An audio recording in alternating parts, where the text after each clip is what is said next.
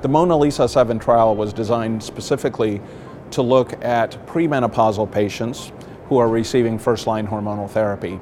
So, for several years now, we have known that cyclin dependent kinase inhibitors uh, nearly double progression free survival in the first line, and three of these drugs are now approved. However, all of these trials have been done in postmenopausal patients.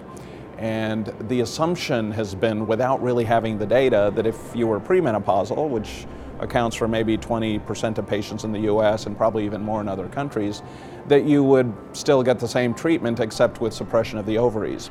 But we really never had data from a full on trial that was dedicated to this group of patients.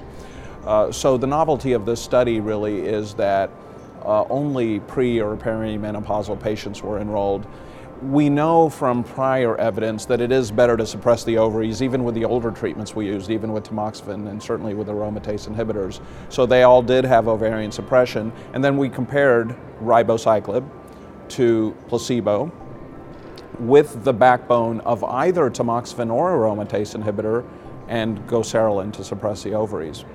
Uh, the other rationale of doing this study is it was the first one to actually test tamoxifen.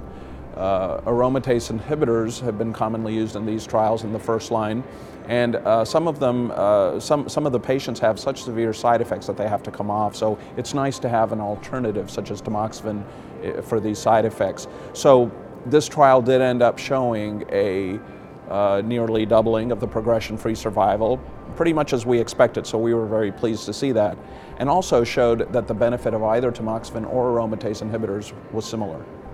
These data now tell us that we can confidently treat pre and perimenopausal patients with ovarian suppression and uh, aromatase inhibition plus ribociclib.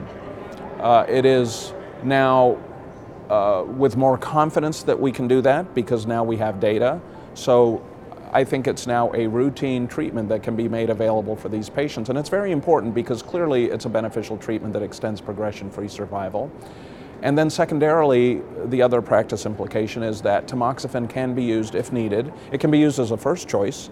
Uh, they seem to perform equally compared to uh, aromatase inhibitors, or if one starts with aromatase inhibitors and has significant side effects, oftentimes in clinical practice we change to tamoxifen. Now we know that in the setting of ribociclib use, CDK4/6 inhibition, that we can make that change.